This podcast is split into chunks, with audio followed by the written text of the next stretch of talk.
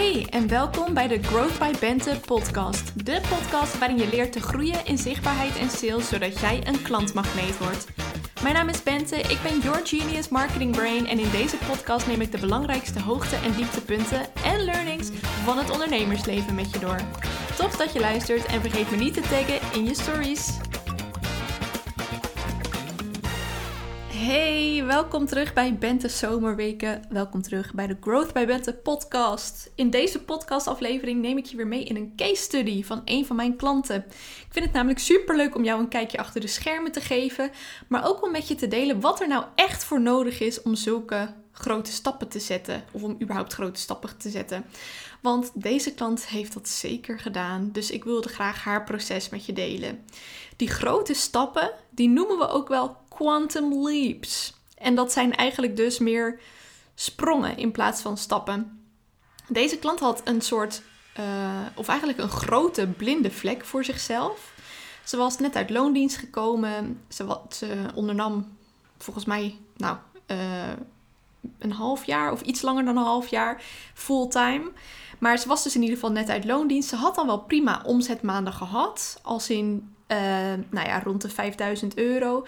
Maar ze wist heel erg van dit kan nog groter. Ik kan meer. Ik haal er nu niet alles uit. En na wat vissen, want uh, uh, die omzet dat is toch altijd een onderwerp dat vertellen niet veel mensen uit zichzelf. Want bij haar kwam, uh, kwam ook de aap uit de mouw. Dat ze eigenlijk gewoon lekker naar die 10k maanden wilde groeien. Maar om de een of andere reden vond ze dat heel moeilijk om toe te geven. Want daar zit ook nog, dat is niet alleen bij haar, maar over het algemeen zit daar, lijkt het, nog een soort taboe op. Terwijl ik denk, ja, weet je, het is ook maar geld. En juist als je daar moeilijk over gaat doen, als je dat uh, een beetje verborgen houdt op hoeveel omzet je niveau je zit, zeker als je het met een marketing iemand daarover hebt, uh, dan stoot je het af. Want ja, je moet dat toch, ik moet toch gewoon weten op welk niveau je zit en waar je, waar je naartoe wil groeien. Dus geef gewoon aan jezelf toe wat je omzetdoel is. Uh, en ik zie ook wel regelmatig posts langskomen op Instagram bijvoorbeeld, of op LinkedIn ook steeds meer, van mensen die dan zeggen: Ja, maar het gaat niet om de omzet. En dan denk ik: Ja, uh, waarom ben je anders gaan ondernemen? Om de vrijheid? Nou, daar heb je toch echt omzet voor nodig om vrijheid te kunnen ervaren. Dus ik denk dan altijd, ja, dat zijn zelf mensen bij wie het niet zo goed gaat. Anders zou je dat niet zeggen. En tuurlijk gaat het niet alleen om de omzet. Het gaat voor mij in ieder geval heel erg over leven op je eigen voorwaarden. Iets doen wat je leuk vindt. Mijn voorwaarden zijn bijvoorbeeld genoeg comfort en geld om heel veel leuke dingen te doen met de lieve mensen om me heen. Maar ook om te winkelen. Dat is gewoon een hobby van mij. Om mooie reizen te maken. Om op de glamping te staan op Lowlands. Nou, dat soort dingen. Dat is living the dream voor mij. En ja, voor die droom heb je natuurlijk gewoon omzet nodig. Anders kan je jezelf geen salaris geven. Uh, nou goed, you get the idea. Misschien voel je ook wel dat je weet dat er voor jouw bedrijf veel meer mogelijk is. Um, dat je weet van hier zit meer in. Maar heb je een soort blinde vlek? Misschien, misschien kun je wel heel goed pinpointen van wat er aan de hand is, waarom het je niet lukt. Maar misschien uh, is dat ook een blinde vlek. Dus zie je niet bij jezelf waar het aan ligt. En dat is eigenlijk heel vaak het geval, omdat um, het heel lastig is om dat voor jezelf te zien. Dus het kan zijn dat je, het, dat je weet van dit is aan de hand, hier moet ik aan werken. Het kan ook zijn dat je het niet weet. Dat je gewoon weet van nou, ik ben nog lang niet waar ik wou zijn. What's going on? Iemand, vertel het me. Um, dus dat je een blinde vlek hebt of dat je ook een soort plafond hebt waar je tegenaan zit en waar je maar niet doorheen komt. Dus dat je al bijvoorbeeld ook een paar maanden op een bepaalde omzet zit en dat je gewoon even lekker een flinke klapper wil maken naar die 5k, naar die 10k, naar die 20k. Zodat je het gewoon een keer gehad hebt, zodat je gewoon weet hoe het moet, wat je moet doen om dat te halen, etc. Ergens ben je geblokkeerd. Die blinde vlek heeft iedereen. En door met iemand samen te werken kun je die blinde vlekken spotten en kun je ermee aan de slag. Zodat je inderdaad alles uit je bedrijf haalt wat erin zit. Alles uit jezelf haalt wat erin zit. Op naar deze klant. Die had dus ook wat blinde vlekken. En ook uh, één ding waar ze zich heel bewust van was. En dat was dat ze last had van imposter syndrome. Daar zijn we mee begonnen. Deze klant was een enorm talent. Ze was echt heel goed in wat ze deed, maar haar imposter syndrome hield haar verschrikkelijk tegen. Ze had allemaal gedachten over dat ze een uh, oplichter zou zijn, dat ze niemand echt had geholpen. En dat kwam vooral doordat ze heel hoge verwachtingen had. Ten eerste voor zichzelf. Ze had het gevoel dat ze het allemaal alleen moest doen. En dat het slecht zou zijn als ze hulp zou vragen, omdat het iets zou zeggen over haar eigen expertise. Zij zit zelf namelijk ook in de marketing- en contenthoek. Dus ze had het gevoel van ja, als ik dit niet zelf kan, um, dan gaat er iets mis. Dan is er iets mis met mijn expertise. Dus ik, um, ja, ik zou eigenlijk met mijn kennis zelf wel die klanten moeten kunnen aantrekken en naar die 10k moeten kunnen groeien. Dus ze had eigenlijk het idee dat het niet oké was om met een andere expert op dat gebied samen te werken. Nou, ook als je in de marketingbranche zit, heb je blinde vlekken. Het is onmogelijk om jezelf te coachen. Dus het eerste waar we aan hebben gewerkt is dat we die gedachte hebben weggehaald. Het is oké om hulp te zoeken. Iedereen heeft zijn eigen blinde vlekken. En juist door iemand anders naar je bedrijf te laten kijken, spot je de grootste kansen en groei je sneller en harder. Ze had dus enorm hoge verwachtingen van zichzelf. Ze vond dat ze het allemaal alleen moest doen. En dat het niet oké was om hulp te vragen, omdat zij zelf in die uh, ja, marketinghoek zat. Ook had ze onwijs hoge verwachtingen voor haar klanten. Ze had een mooi traject, maar ze verwachtte, of ze hoopte, dat haar klanten mega, mega, mega doorbraken meemaakten. Terwijl haar klanten behaalden al prima resultaten. Die trokken klanten aan, die implementeerden de kennis, die zetten hun bedrijf steviger neer. Ze waren zichtbaarder, ze hadden betere websites. Maar dat vond ze niet genoeg, mijn klant. Zij hoopte dat uh, zij haar klanten in um, nou ja, een aantal maanden eigenlijk miljonair kon maken. Terwijl, uh, dat zei ze niet zo en dat beloofde ze natuurlijk ook al helemaal niet. Maar um, dat hoopte ze natuurlijk wel. Terwijl de investering was daar ook helemaal niet naar. Het was een best lage prijs product wat zij had. En eigenlijk is de stelregel: hoe meer je investeert, hoe groter de transformatie.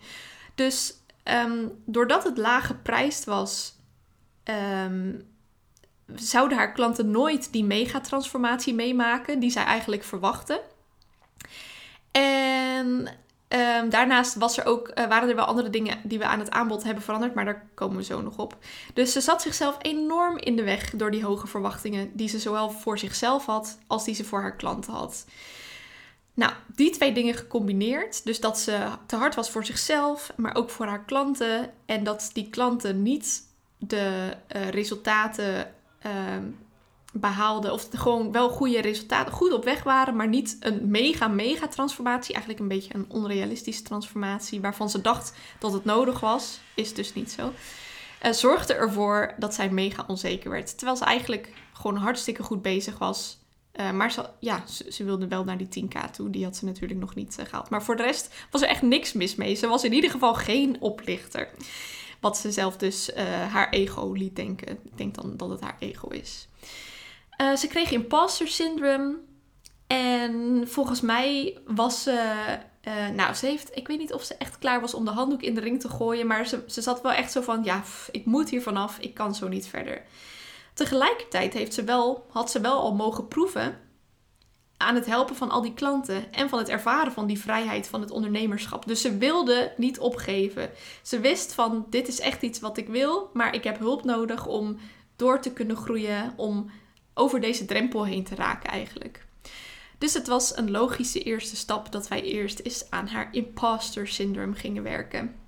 Nou, ik geef dan een aantal oefeningen die um, in eerste instantie helpen om realistischer naar resultaten te kijken. Realistischer naar resultaten van jezelf en van je klanten. En daarnaast uh, ook oefeningen om uh, meer zelfvertrouwen te kweken. Want je hebt gewoon zelfvertrouwen nodig in het hele ondernemerschap. Als je een bedrijf hebt en uh, je shit, je, je shit, je scheidt zeven kleuren als je een aanbod moet gaan doen, dat helpt gewoon niet. De eerste keer mag dat natuurlijk, maar ehm, ja, je wil niet dat, het, dat die angst te erg of die onzekerheid te erg in de weg gaan zitten. En dat was in dit geval wel zo. Dus oefeningen gegeven om ook daardoor heen te breken. En dat ging eigenlijk al best wel snel uh, goed. Soms dan, uh, ja, hoe, groot die problemen ook lijken, ze zijn eigenlijk al best wel snel op te lossen als je eenmaal in die uh, actiestand komt. Dus dat is het goede nieuws eraan. Maar goed, dan moet je dus wel echt actie ondernemen. Ten tweede uh, is zij aan de slag gegaan met haar positionering. Want toen ze meer uh, zelfvertrouwen had, kon ze ook aan haar positionering gaan werken. Je positionering houdt in hoe je jezelf in de markt zet. Hoe je uitlegt wat je doet. En hoe je bijvoorbeeld jezelf voorstelt. Uh, oh, altijd bij het woord uh, voorstellen krijg ik een soort flashback naar mijn uh, studententijd. Daar vonden we het namelijk leuk als uh, iemand zei van... Oh, ik ga me even voorstellen om dan keihard terug te roepen... Je stelt niks voor! Dus dat was keilullig. Daar had ik even een random flashback naartoe. Oké, terug naar mijn verhaal. Dus je positionering. Dat houdt dus in hoe je jezelf voorstelt. Maar zie je bijvoorbeeld ook terug aan hoe je jezelf op Instagram, Instagram, Instagram en LinkedIn presenteert. Um, dat wil je dus goed doen. Want je wil dat het in één klap duidelijk is wat jouw uh, expertise is. Je wil ook dat het in één klap duidelijk is waar jij jouw klanten mee kan helpen. Oh, misschien hoor je wat auto's op de achtergrond. Ik heb lekker alle ramen openstaan, want weet je, het is nu eindelijk wat koeler. We moeten het huis afkoelen. Oké, um, positionering. En dat nieuwe zelfvertrouwen dat ze had. Oh nee, wacht, dat was ik aan het vertellen. Um, je wil dat het helder is wat je doet. Je wil ook dat mensen gelijk een verlangen naar je krijgen. Want dit is wat er gebeurt. Mensen komen op je profiel of bijvoorbeeld op je website. En um, dan is de vraag: ga ik deze website verder lezen of ga ik deze persoon volgen op socials? En mensen besluiten of ze jou gaan volgen als gelijk duidelijk is wat je doet, waar je ze bij kunt helpen en als dat aansluit bij een behoefte die ze hebben.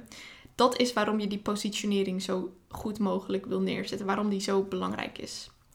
Nou, dat nieuwe zelfvertrouwen kon ze nu gebruiken, mijn klant, om zichzelf in de markt te zetten. Want veel mensen zetten zichzelf zo klein neer, zo bescheiden, laten niet echt zien wat ze echt kunnen, waar ze klanten echt bij kunnen helpen. En dat is zonde. En wat ook vaak misgaat, is dat je het uh, wel opschrijft, maar dat je het veel moeilijker maakt dan wat het nou eigenlijk is. Uh, wat zag ik nou laatst? Er stond iets van uh, op een Instagram-account online visitekaartjes of uh, je online huis maken, terwijl het eigenlijk ging om websites maken. Zeg dan gewoon dat je knetterprachtige websites maakt. Online visitekaartje is zo vaag. Daar moet je dan minstens drie stapjes nog overheen denken voordat je snapt dat het om een website gaat. Virtual assistants hebben daar ook een handje van trouwens. Van het allemaal moeilijker opschrijven dan wat het is. Want tuurlijk wil je uniek zijn, maar het is nog veel belangrijker dat het duidelijk is. En er is echt wel een unieke manier om uit te leggen wat je doet, die ook nog eens heel duidelijk is. Uh, dus een duidelijke positionering, daar is ze mee aan de slag gegaan. Zij kon een uh, mooie, unieke positionering claimen. Dat heeft ze toen ook gedaan. En uh, de volgende stap was dat zij bezig ging met haar aanbod. Want dat stond aardig, maar het kon echt nog een stuk steviger. Ze had een aanbod, dat was dat ene traject waar die klanten prima resultaten bij behaalden. Maar ze was daar niet 100% enthousiast over. Ze stond er niet 100% achter. En om je aanbod vol zelfvertrouwen te verkopen, wil je wel 100% achter je aanbod staan. Dat is gewoon nodig. Als je zelf een twijfel hebt, ja, hoe kan je dan ooit iemand anders daarover enthousiast maken? Dus we hebben haar aanbod getweakt. En we hebben er vooral waarde aan toegevoegd.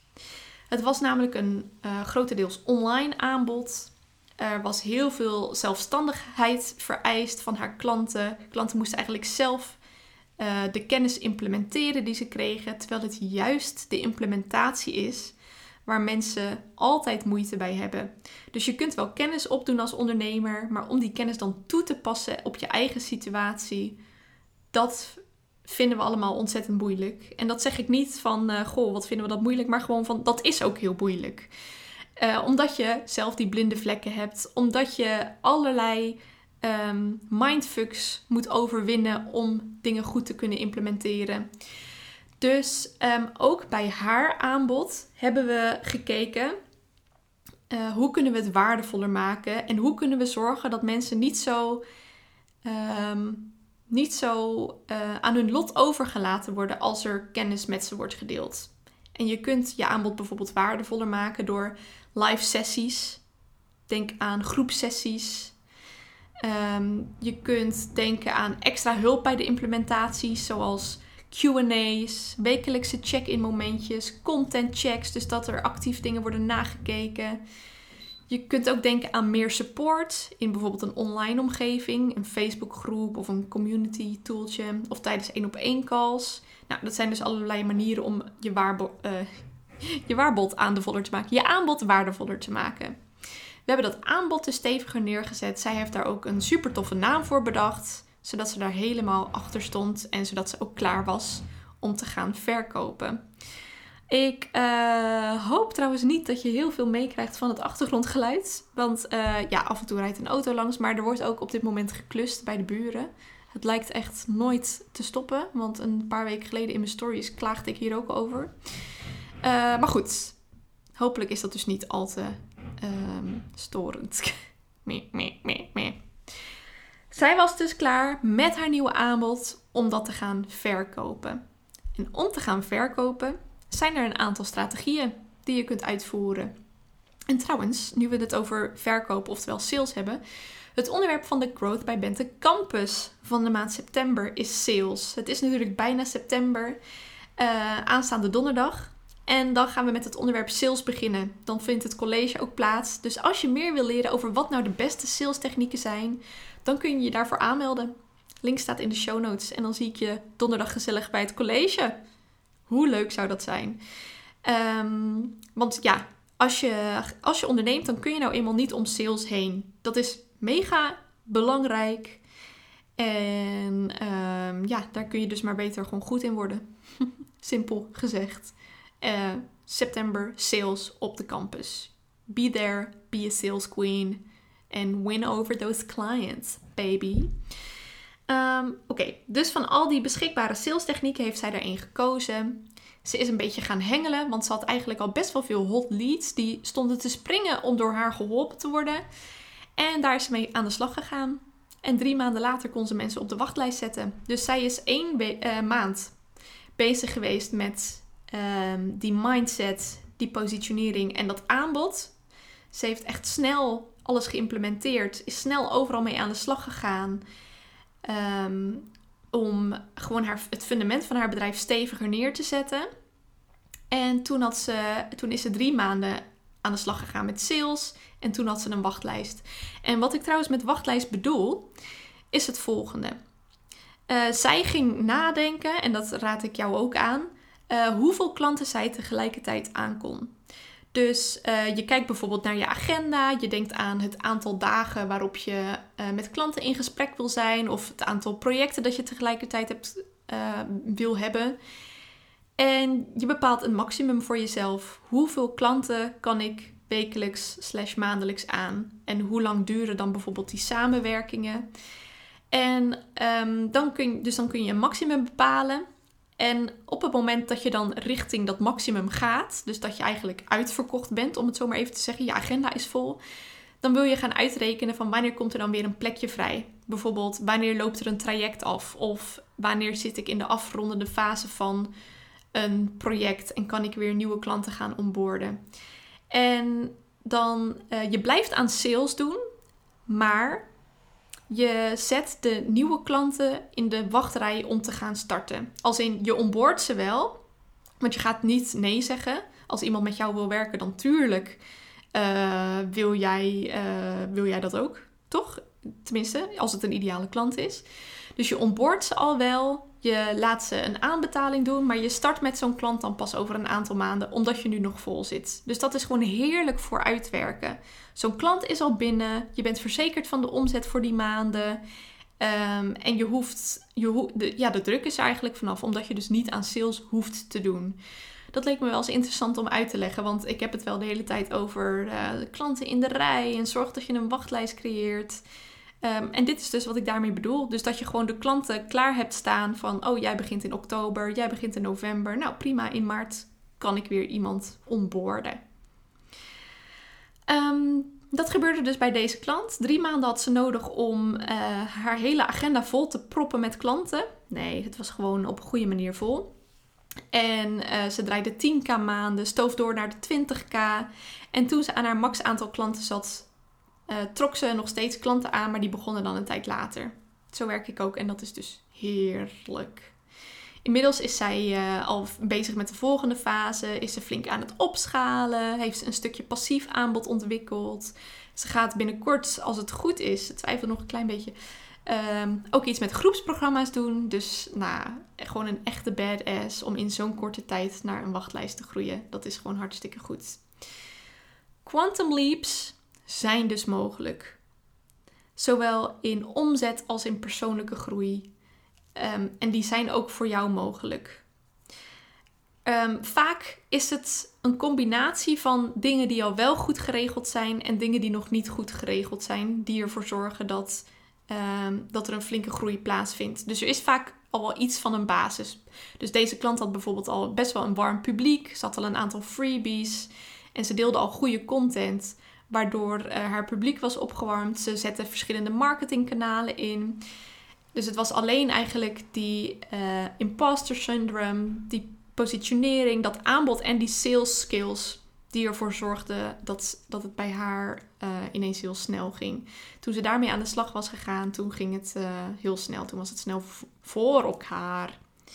En bij andere van mijn klanten zie ik ook zo'n combinatie. Dus bijvoorbeeld um, dat je al wel prima sales skills hebt, maar dat je de pijnen en de verlangens van je klanten nog helemaal niet kent. Ja, dan wordt een aanbod creëren en een positionering kiezen heel lastig.